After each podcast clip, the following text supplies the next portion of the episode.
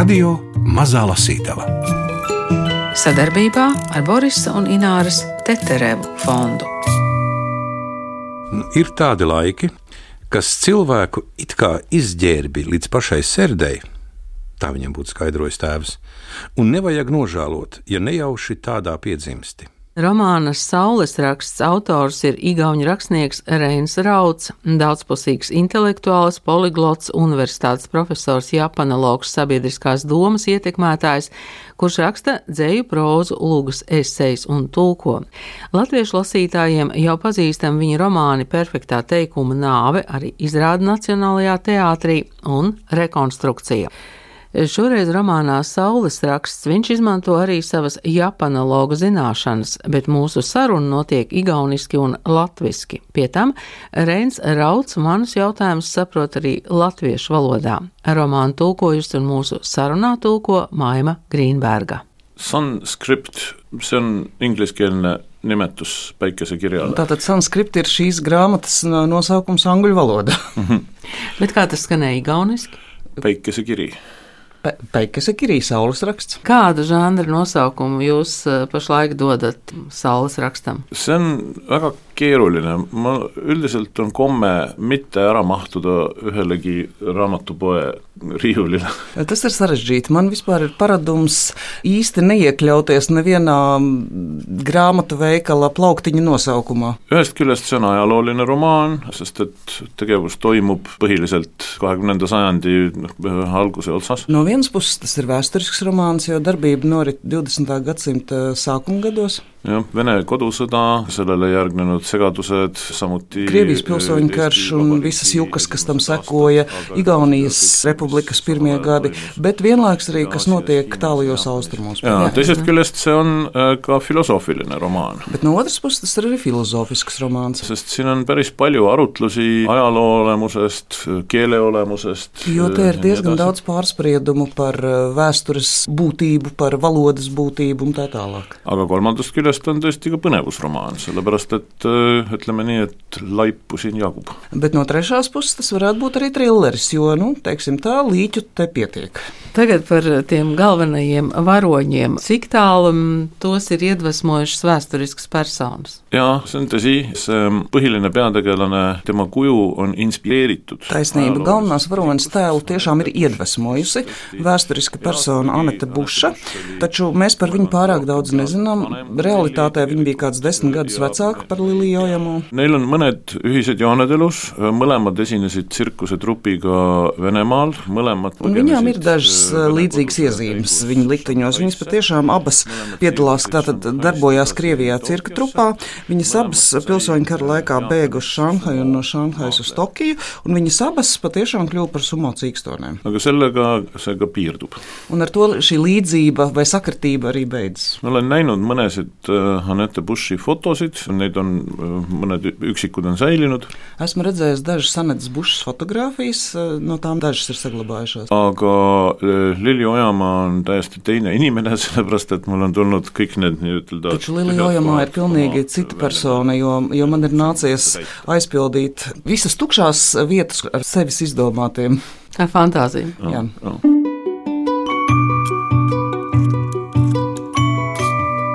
Par šī stāsta izējas punktu kļuva nejauši ieraudzīts avīža raksts par pirmo ārzemnieci sumo cīkstoni. Tā bija Anete Buša, un jaunībā piedalījusies spēka sievu kustībā, kāda tolaik darbojās Tallinā. Vai es pilnīgi pārpratu? Es zinu, ka mums ir tas ansamblis stiprās sievas. Nē, nē, nē. Viņam Viņa sumo patiešām nav. reāla sumo cīkstone šī ir, ja? Jā. par ko tu lasīsi. Un tad uh, viņa ar cirka trupu ir klejojusi pa Krievijas impēriju. Un uh, faktiski tas impulss ir bijis no šīs reālās personas, lai, lai radītu romānu Saules raksts. Un tur būs tādas divas līnijas, kuras, diemžēl, nesatiekās. Bet tagad pastāsti man par sevi. Izstāsti visu. Es gribu par tevi uzzināt visu. Pēc izrunas šķiet, ka laikam esi no Baltijas, no Rīgas. Nē, no Rēveles. Tas ir Igaunijas, un Rēvele ir mūsu galvaspilsēta. Bet, ah, manam tēvam Rīgā bija vairāk labi draugi, viņu pārtrauca Ļenačka. Tie reizēm mūs Maskavā apciemoja, un daži paziņas brīnījās, jo Viens no tiem bija jūds, nu, saproti, jūdu tautības inženieris, un turklāt vēl arī jūds pēc ticības. Tik daudzi taču vairs nav jūdi, it īpaši, ja izdevies izsisties, daži apmeklē pat mūsu baznīcu, nu, zina taču. Bet mūsu ģimenē vienmēr teica, ka nozīme ir cilvēkam, nevis tautībai vai izcelsmei, un tā arī ir. Lilija bija ielējusi tēju arī sev un sniedzās pēc cukurtrauka, taču grāfiene to nepamanīja un turpināja sarunu. Mans tēvocis arī apprecējās ar vienu fabrikanta meitu. Visi domāja, ka naudas dēļ, bet tā bija īsta mīlestība, patiešām. Un pat ja nebija, ko tur daudz uz āru visādā ziņā izskatījās, ka ir. Un pašlaik mums šeit atkal nav par ko žēloties par laimi jo viņi paspēja savu naudu veiksmīgi nogādāt Šveicē, pirms tēvocis nomira. Bet vispār viņi dzīvoja Pēterburgā. Viņam Moikas krastmalā bija liela māja, mēs tur vienmēr palikām, kad apmeklējām Ziemeļu galvaspilsētu, un viņam bija ļoti skaists suns, pūdelis, tāds ar panākšu palvu, īsts aristokrāts. Mums ar māti arī bija suns, Lilija ieteicās, bet uh, jauktenis. Nu, es taču saku, grāfiene noteica.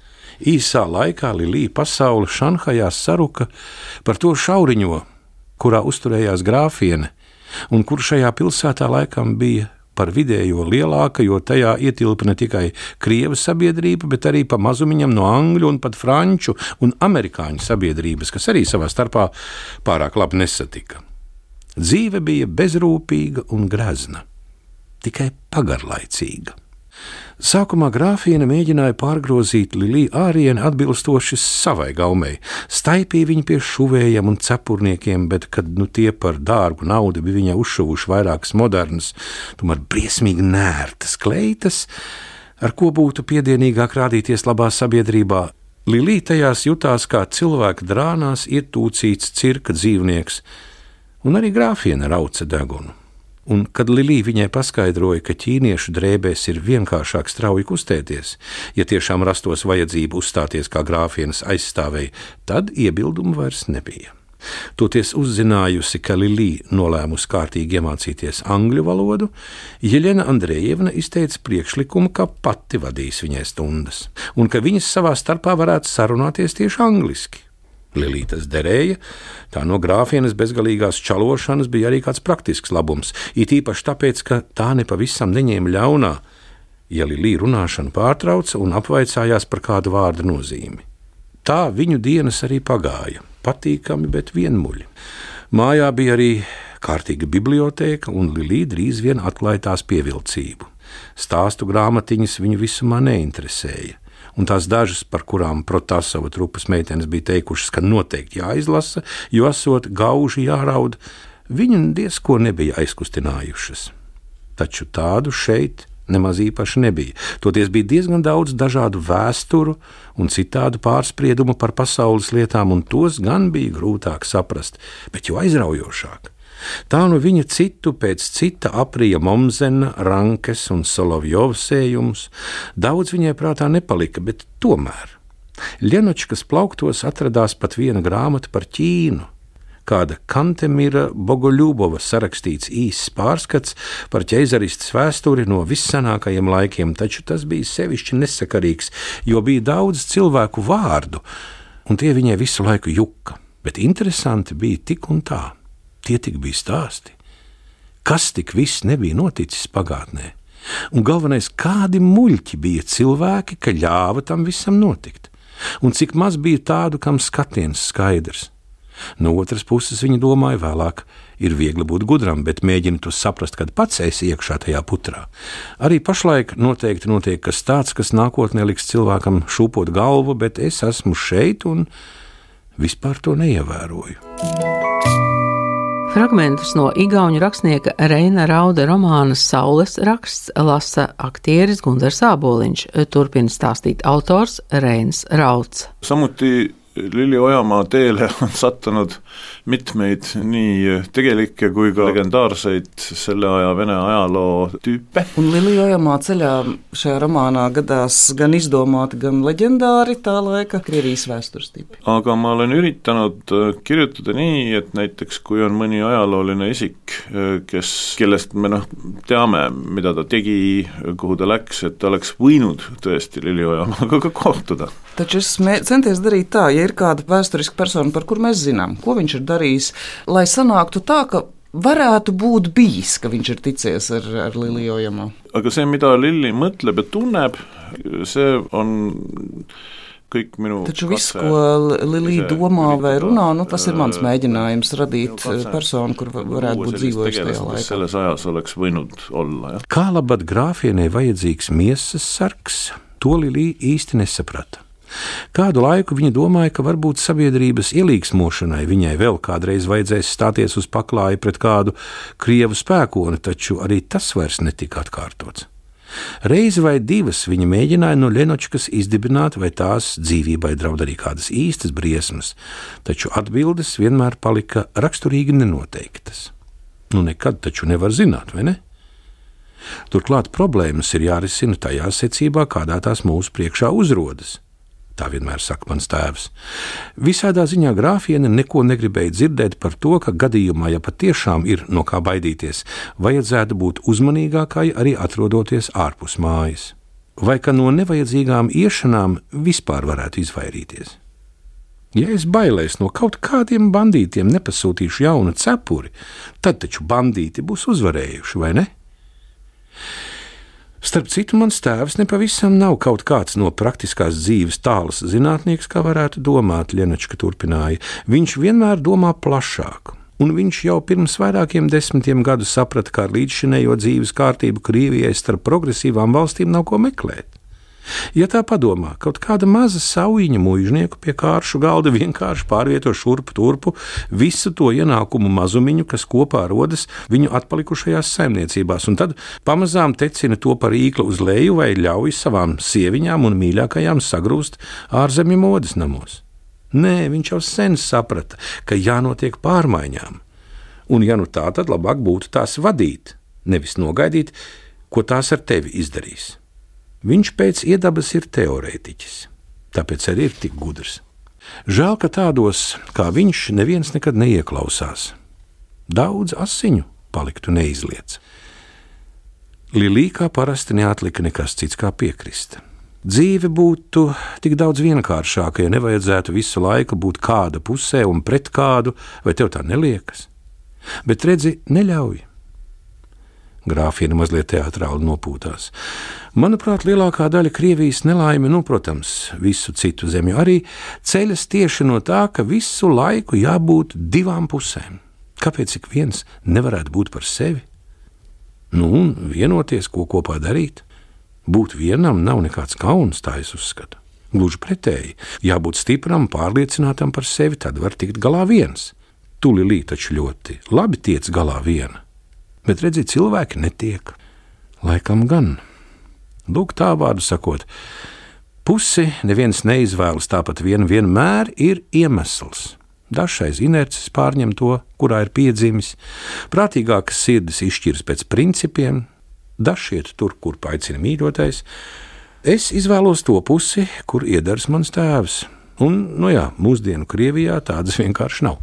Ļenočka kļuva neierasti klusa, Lilija šķita, it kā viņa nospiestu kāds smags jautājums, kas tomēr prasa drīzu izšķiršanos, kas tāds, ko apspriest ar Liliju, viņa nevēlējās.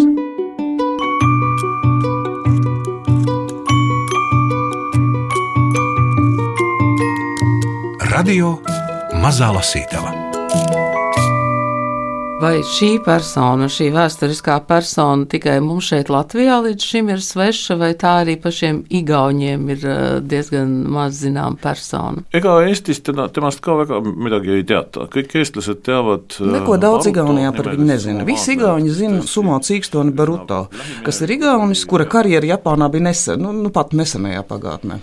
Anette Buši kohta ma sain ise ka teada täiesti juhuslikult. Taču par Anetu Bušu es pats arī uzzināju pilnīgi nejauši. Aga kui ma seda noh, nagu lugu nägin, siis ma sain kohe aru, et sellest on vaja raamat kirjutada. Taču, tad, kad es uzzināju vai ieraudzīju par šo stāstu, es uzreiz sapratu, ka ir jāraksta par to grāmatu. sest no üldiselt oma romaanides ei ole väga kasutanud öö, oma Jaapani-alaseid teadmisi. Jo, principā, es savos romānos līdz šim neesmu izmantojis savas japanologa siin ma saan, ah, zināšanas. midagi pole teha, tulevad need kaks poolt minu elust kokku lasta.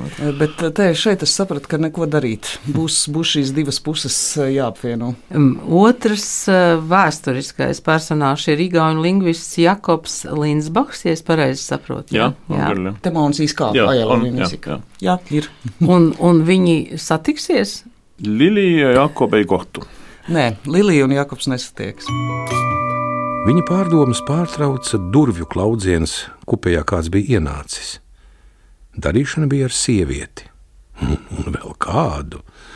Dāmai bija gari, ogļu melni, galos viegli cirtaini mati un milzīgas acis kā gailošas ogles, kā arī smails, pašapzinīgs zots. Seja, kurā šķiet iezīmēts skumju mājoklis, bet uz āru izskatījās pilnīgi pretēji. Smaids viņas lūpu kaktiņos nebija nekas tāds, kas nāk un aiziet, bet vienkārši ir tur visu laiku. Ja atļausiet, es te brīdi pasēdēšu jūsu sabiedrībā. Tikai mazliet. Patiesībā mana vieta ir tur, vagona otrā galā, bet man vienkārši vajag mazliet nomierināties. Tikai mazliet. Patiesībā viņi ir mani draugi. Vienkārši reizēm man vajag mazliet nomierināties, saprotiet? Bet lūdzu, Cuneo teica, Cuneo ņita, Japānas imperatora pavalsnieks. Viņš piebilda, uz brīdi mazliet piepaceldamies. Ļoti patīkami. Mani sauc Nastasija Filipovna.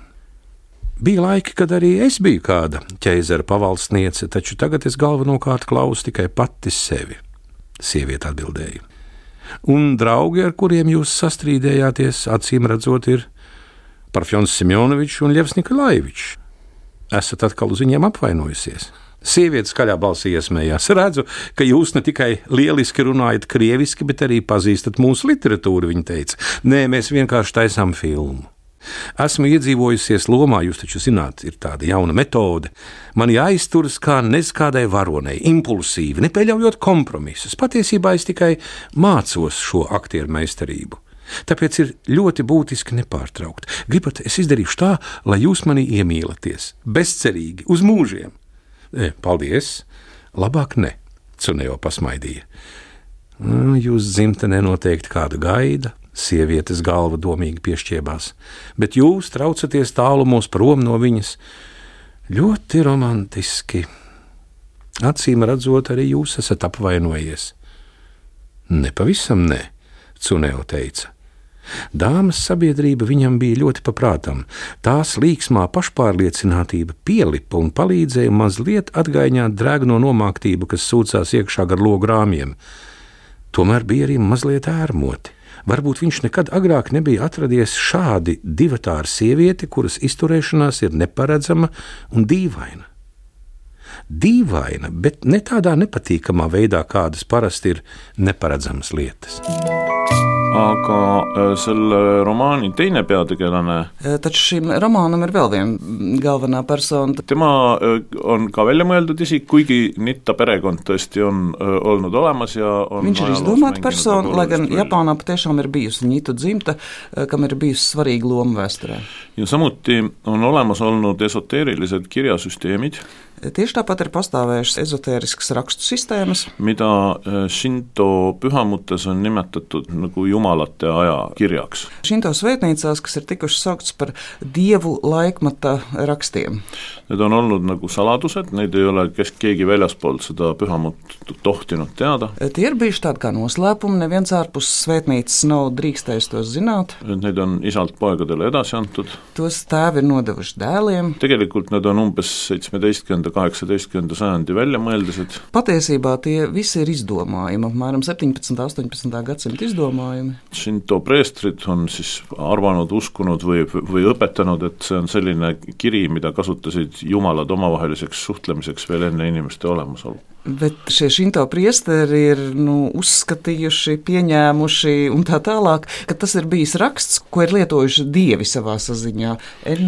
Un 18. gadsimta izdomājumi. Shinto preestrid on siis arvanud, uskunud või, või õpetanud, et see on selline kiri, mida kasutasid jumalad omavaheliseks suhtlemiseks veel enne inimeste olemasolu. Bet šie šinto priesteri ir uzskatījuši, pieņēmuši un tā tālāk, ka tas ir bijis raksts, ko ir lietojuši dievi savā saziņā. Enne enne inimeste olemasolu. Pirms cilvēku pastāvēšanas. Tātad tas ir saules raksts. Jā, ühe sellise süsteemi nimi on päriselt ka päikesekiri, aga see ei ole see süsteem, millest on raamatus juttu. Vienas šādas sistēmas nosaukums patiešām ir saules raksts, taču tā, tā nav tā pati, par kuru es runāju grāmatā. No, seda Jaapani päris päikesekirja ma ei ole näinud, ma ei tea, mismoodi see välja näeb.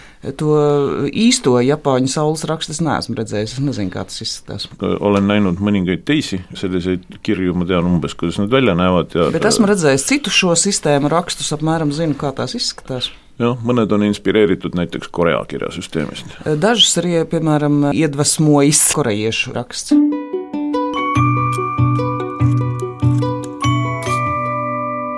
Reina Rauda romānu Saules raksts no igauņu valodas tulkojusi Maima Grīnberga, izdevis Jāņa Rozes apgāds.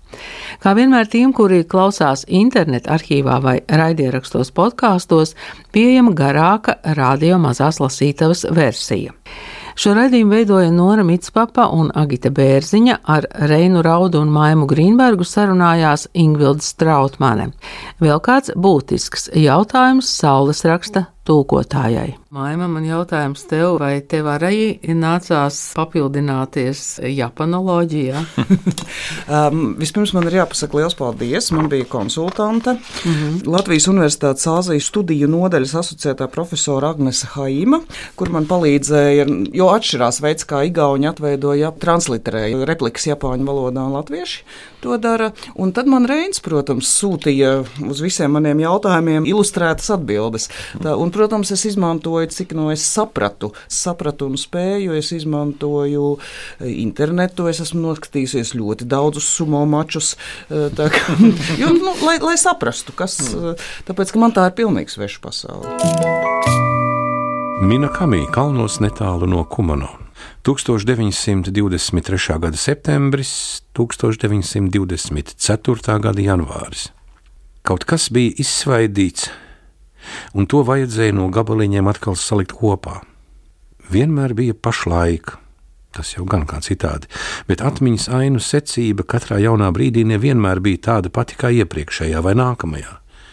Aiziešanas varēja būt notikušas pirms atnākšanām un pretēji, lietus varēja būt līs no skaidrām debesīm, puķes ziedējušas sniegā. Viņu nes nestuvēs, bet vai uz augšu vai uz leju, ap viņu klusumā sēžuši cilvēki priesteru drānās. Tad iekšā ieskrien kāds no ārā, atnes kādu ziņu, visi pielec kājās. Tas nozīmē, ka viņi bijuši iekšā, bet varbūt arī ne. Viņa dzird balsis, un tāpēc it kā ir šeit, tomēr ne pa īstam. Viņa nezina, vai spēja pakustēties, tāpēc drošības pēc nemēģina. Viņa ir kā noguris pulkstenis, kas gan vēl tikšķi, bet kad kalsnais sekundžu rādītājs ir pakustējies solīt uz priekšu, tūlīt atkrīt uz iepriekšējās strīpiņas, un laiks atkal ir tas pats, kas iepriekš. Mīgla un skaidrums mērojās spēkiem, taču brīžiem ar mīglu bija skaidrāk nekā bez tās. Viņu nes nestuvēs, taču vai jau vai atkal nav saprotams. Jārunā, Lilija nodomāja. Kaut vai pie sevis runājot, viss atkal savienosies. Taču tas, kurš runāja, nebija viņa pati. Lilija viņu pazina pēc balss. Tas bija tas vecais vīrs ar ziņkārīga bērna seju. Balss līdz viņai nonāca no aizvērto acu otras puses, kā cauri miglai. Izskanēja viņai cauri, tur nepaliekot. Man ir divi dēli, Esmu viņus audzinājis tik labi, cik protu, un iemācījis viņiem visu, ko zinu. Taču es viņiem nestāstīju patiesību. Reizēm nestāstīju, tomēr es ceru, ka tu apjaut kāpēc. Lai ko es arī teicu, tam vajadzēja būt viņiem saprotamam tādiem, kādi viņi attiecīgajā brīdī bija, nevis tādiem, kā man būtu gribējies, vai kādus es viņus pat iztēlojos savā sirdī. Tas no manis prasīja piepūli. Patiesībā es jau toreiz zināju, ka man iekrāts vairāk nekā es viņiem dalu, bet varbūt arī nezināju, tikai pašlaik tā domāju. Un it kā ar to nepietiktu, man jau bija radusies arī miglaina nojauta, ka tāpat bija atturējies mans tēvs, mācīdams mani, un gan jau arī viņa tēvs pirms viņa, ka tieši tā notiek. Es atvainojos, Ir ļoti laipni no tevis klausīties tāda negudra veca vīra nesaistītajās pārdomās, pat ja tu tur neko nevari darīt. Taču pats ātrākais ceļš uz mērķi reti ved taisni. Man par to jārunā, lai tu saprastu, kāpēc es liku tevi nogādāt pie sevis.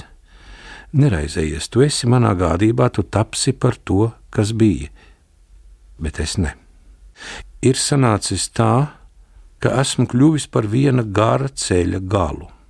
Kaut kas ir ticis nodots no paudzes paudzē, ilgi līdz manīm. Esmu darījis, kas no manis tiek gaidīts, taču kā pēdējais.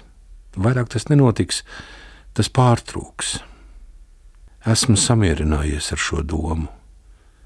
Tā mani vairs nenomoka, bet tas, ko es nemācēju gaidīt, ir brīvība, ko šī sapratne man atnesusi. Zināmā mērā man šķiet, it kā visa mana līdzšinējā dzīve būtu bijusi kaut kāda kļūda. It kā es tajā būtu bijis kāds cits nekā esmu patiesībā. Vai arī pretēji, ka es ik brīdi atrodu sevi ievietot kādā, kura vārds ir Džunģeroņita, kurš sastāv no tām atmiņām, kādas ir man, tāpat pārliecībām, sapratnēm un cerībām, kaut vai vēl reizi šajā dzīvē ieraudzīt vismaz vienu no saviem dēliem. Bet šīs atmiņas un pārliecības, un tas viss patiesībā nav mans, vai tu spēj to iztēloties?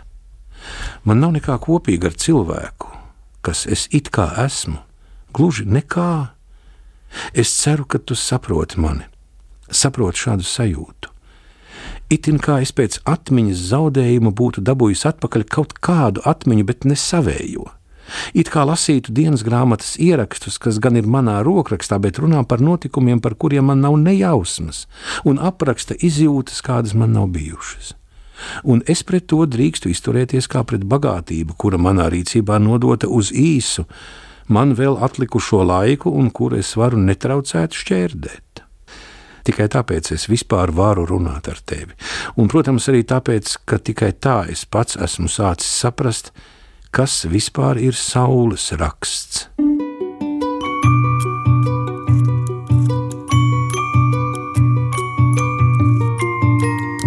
Radio Mazā Lasītava sadarbībā ar Borisa un Ināras Teterevu fondu.